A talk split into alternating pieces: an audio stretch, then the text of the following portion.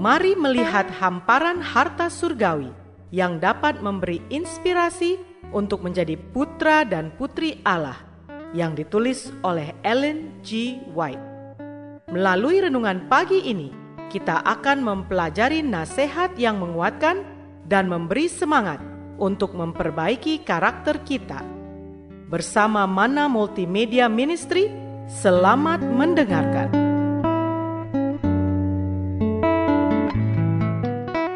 Shalom, selamat pagi saudaraku.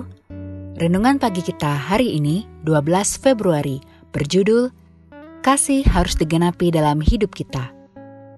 Bersama saya Naomi Panjaitan. Ayat intinya diambil dari Roma 13 ayat 10. Demikian firman Tuhan. Kasih tidak berbuat jahat terhadap sesama manusia. Karena itu, kasih adalah kegenapan hukum Taurat. Mari kita dengarkan penjelasannya. Betapa banyak orang berkekurangan dalam kasih.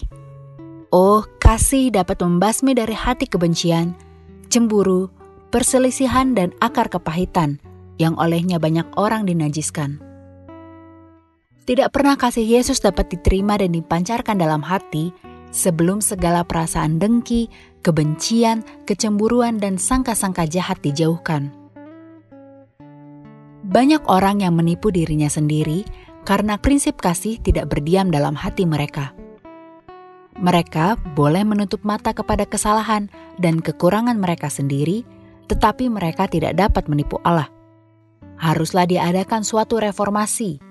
Mata bajak kebenaran harus membajak petak-petak yang di dalam hati kita yang sombong dan membongkar tanah sifat-sifat kita yang tidak disucikan agar roh dan kasih Yesus boleh ditanamkan di dalam hati kita.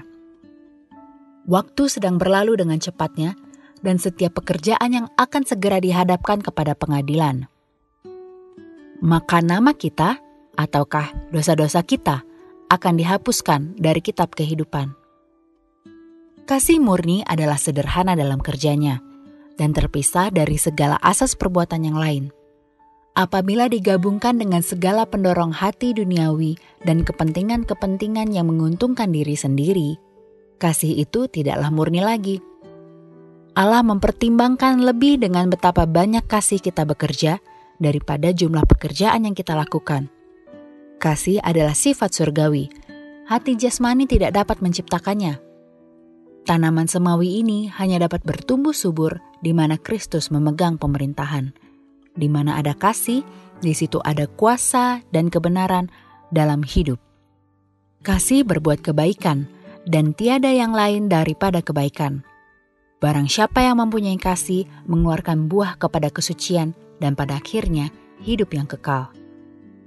Saudara-saudara yang kekasih di dalam Tuhan, Yesus jugalah yang telah memerintahkan agar kasih seharusnya menjadi prinsip yang berkuasa dalam perjanjian lama yang memerintahkan agar kasih juga harus menjadi asas yang memerintah dalam hati para pengikutnya dalam perjanjian baru.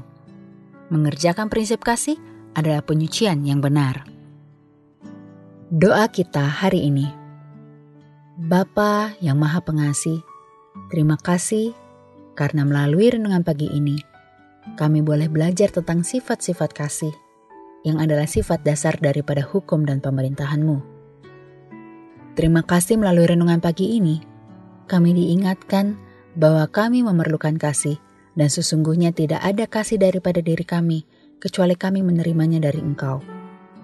Tolong kami hari ini ya Bapa, untuk membagikan dan meneruskan kasih yang daripadamu dalam hidup kami, sehingga kami juga boleh menjadi berkat bagi orang-orang di sekitar kami. Inilah doa dan permohonan kami. Di dalam nama Yesus Kristus kami berdoa. Amin.